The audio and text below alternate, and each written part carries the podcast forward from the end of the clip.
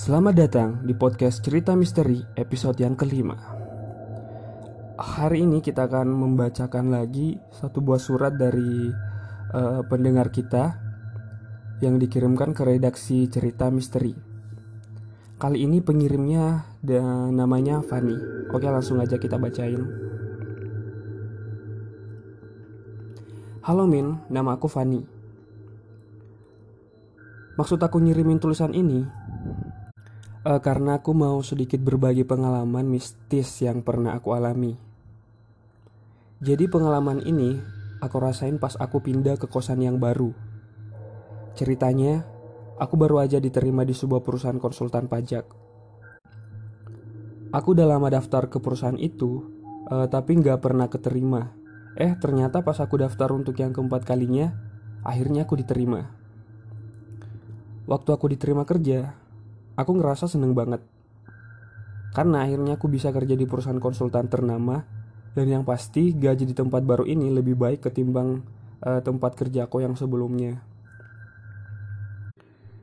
Tapi yang jadi masalah adalah uh, kantor perusahaan itu jauh dari kosanku. Akhirnya aku mutusin untuk nyari tempat kosan yang lebih dekat dengan kantor. Aku kemudian nyari informasi ke teman-teman kantor dan akhirnya aku dapat beberapa rekomendasi. Setelah mendatangi beberapa tempat rekomendasi tersebut, akhirnya aku mutusin untuk milih kosan yang paling dekat dengan kantor. Kebetulan waktu itu masih ada sisa satu kamar yang masih kosong. Kamarnya lumayan gede. Ada kamar mandi dalam dan yang pasti kosannya lebih dekat dengan kantor. Akhirnya, aku pun mindahin barang-barangku dari kosan lama ke kosan yang baru itu. Aku dibantuin sama pacarku. Satu hari penuh, kita berdua mindahin barang-barang itu. Karena kosan masih kotor dan barang-barang belum pada rapi, aku akhirnya mutusin nginap di hotel untuk satu hari. Aku minta ditemenin sama pacarku karena aku takut sendiri. Alhasil, aku nginap di hotel bareng pacarku. Waktu luang berdua, di dalam kamar itu nggak kita sia-siain dan kita berdua menikmatinya. Setelah barang-barang selesai aku rapihin, akhirnya aku tinggal di kosan yang baru itu. Aku seneng banget tinggal di kosan baru, karena bisa berangkat kantor tanpa takut telat. Selain itu, ibu kosnya juga baik ke aku. Awalnya gak ada hal aneh yang aku alamin. Semuanya baik-baik saja. Tapi pas malam ketiga, kejadian aneh itu mulai terjadi. Aku baru aja pulang dari kantor dan nyampe kosan jam 5 sore. Karena capek, aku ketiduran untuk beberapa saat.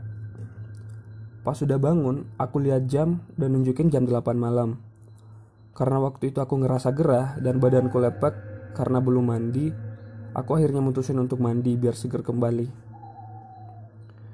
Kebiasaanku kalau mandi adalah aku cuci muka pas belakangan. Jadi pas aku udah pakai handuk baru aku cuci muka.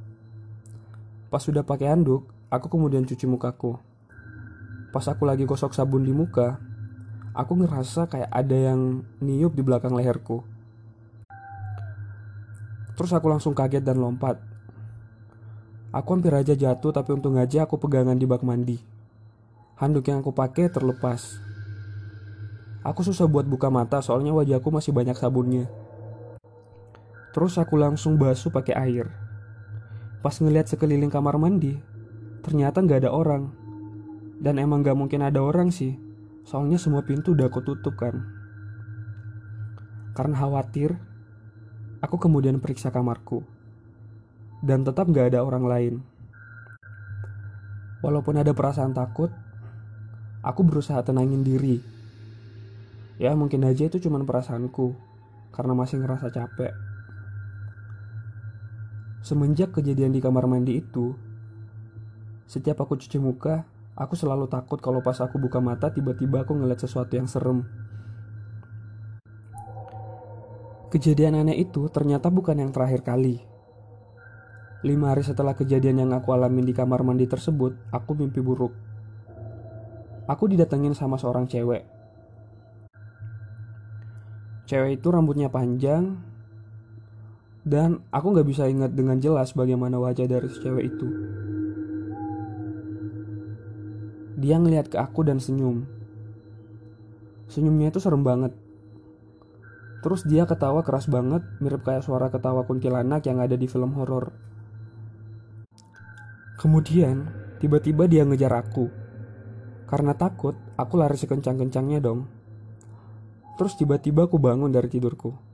Dan aku sadar kalau ternyata itu cuma mimpi. Nah pas aku lihat jam di HP, ternyata baru jam 3 pagi waktu itu. Aku coba buat lanjutin tidur, tapi ternyata mataku nggak bisa terpejam. Karena aku ngerasa takut banget gara-gara mimpi itu. Akhirnya aku mutusin untuk baca buku sambil dengerin musik buat nunggu pagi dateng. Suatu hari, temen di kantor ngadain pesta perpisahan salah satu karyawan yang bakal pindah. Pestanya diadain di klub. Dan pas pulang, aku ngerasa gak sedikit mabuk sih. Aku dianterin sama temenku namanya Andre. Pas sampai di kosan, entah kenapa aku ngerasa takut dan gak berani untuk tidur sendiri.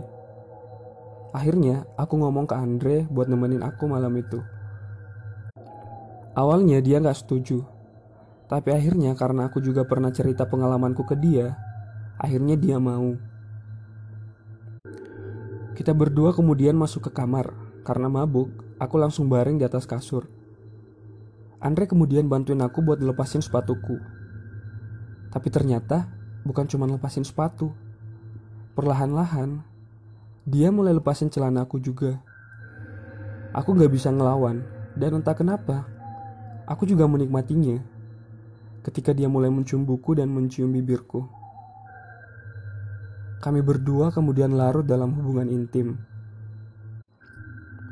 Waktu sama Andre itu, aku bisa ngelupain semua mimpi buruk yang aku alamin dalam beberapa hari. Pengalaman serem selanjutnya aku alamin pas pacarku datang ke kosan. Nah rencananya waktu itu kita berdua mau jalan bareng. Karena baru pulang dari kantor, aku nyuruh dia nungguin karena aku mau mandi dulu. Pas aku lagi mandi, tiba-tiba aku dengar ada orang yang ngetuk-ngetuk pintu kamar mandi kenceng banget. Terus aku langsung buka pintunya. Awalnya sih aku ngira itu pacarku. Tapi pas aku buka pintu, ternyata nggak ada siapa-siapa di sana. Terus selang beberapa lama, pacarku datang.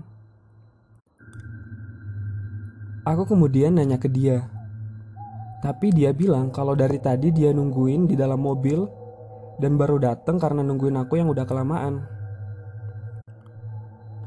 Waktu itu aku takut banget. Malamnya aku mimpi buruk lagi. Aku mimpi ketemu sama cewek yang sama yang pernah aku lihat di mimpiku sebelumnya. Lagi-lagi dia senyum ke aku. Terus dia nangis. Suara tangisannya itu tuh keras banget. Terus cewek itu marah dan berusaha untuk cekek aku. Aku kemudian lari dan tiba-tiba aku terbangun lagi dari tidurku. Kurang lebih selama satu bulan, aku ngerasa digangguin terus. Tapi aku belum lihat sosoknya secara langsung. Jadi gangguan itu cuma kayak orang yang mukul-mukul tembok, kutuk pintu kamar mandi, dan mimpi buruk. Pertama kali aku lihat hantu itu secara langsung, Waktu itu pas aku bangun tengah malam karena kebelet pipis. Pas bangun, aku mau buka mata, tiba-tiba di depanku ada sosok wanita yang berambut panjang. Dia tunduk dan cuman diam. Karena mataku ngeliat gak terlalu jelas, akhirnya aku ngucek-ngucek mataku karena mau lihat lebih jelas lagi kan. Pas aku buka mataku lagi, eh, ceweknya udah gak ada. Akhirnya aku gak jadi pipis. Aku nahan pipisku sampai pagi. Kejadian serem lainnya aku alamin pas aku pulang kerja. Waktu itu aku lembur, jadi pulangnya gak malam. Nah, pas nyampe depan kamarku, aku denger ada suara cewek nangis dari dalam kamarku. Suaranya jelas banget kan. Aku langsung buka pintu kamar. Dan ternyata di dalam gak ada siapa-siapa. Bukan cuman itu, Aku juga tiba-tiba dengar kayak ada suara orang nimba air dari dalam kamar mandiku. Dan gak ada siapa-siapa di dalam kamar kecuali aku sendiri. Karena takut, Aku akhirnya telepon pacarku biar dia nemenin aku. Pas dia udah nyampe di kosan, aku langsung ceritain semua kejadian yang aku alamin. Dia akhirnya mutusin untuk tinggal dan tidur bareng aku di kamar. Malam itu, aku jadinya gak terlalu takut karena ditemenin sama pacarku. Di dalam kamar, kita bercumbu dan berhubungan intim. Seketika itu juga, aku mulai lupa dengan rasa takutku untuk sementara waktu. Nah, besoknya itu pas aku mau mandi lagi, aku denger ada suara yang ngetuk pintu kamar mandiku lagi. Pas aku mau buka, ternyata pintunya macet dan gak mau kebuka. Terus suara ketukan itu makin kenceng aku denger. Aku kemudian teriak sekencang-kencangnya karena pintuku nggak bisa kebuka. Setelah coba sekuat tenaga, akhirnya aku bisa keluar dari kamar mandi.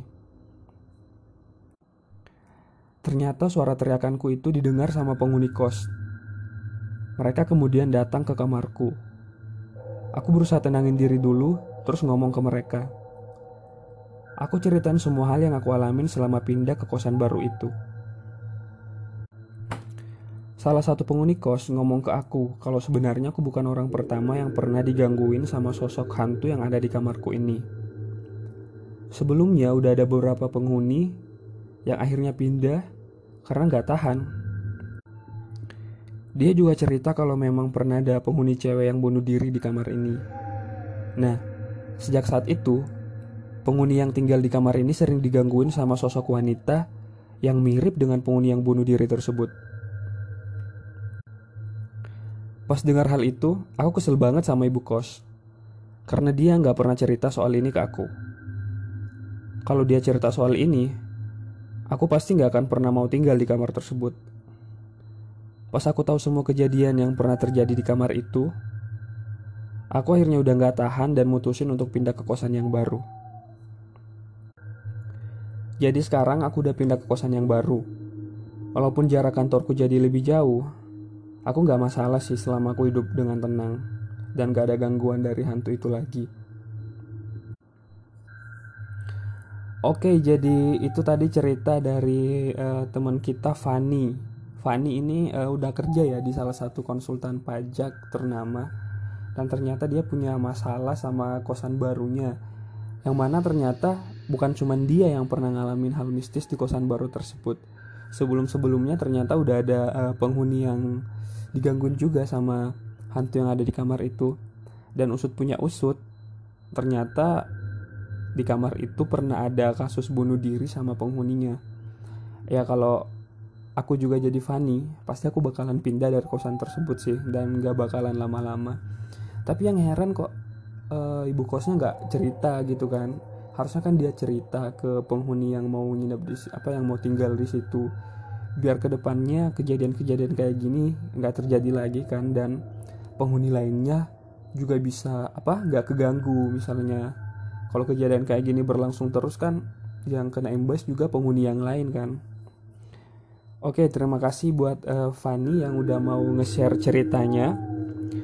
Dan kita juga masih nunggu cerita-cerita lain dari pendengar sekalian kalau mau uh, nge-share cerita mistis kalian silakan share aja di dan kirimkan ke email kita yang ada di uh, di bionya kita di detailnya deskripsi.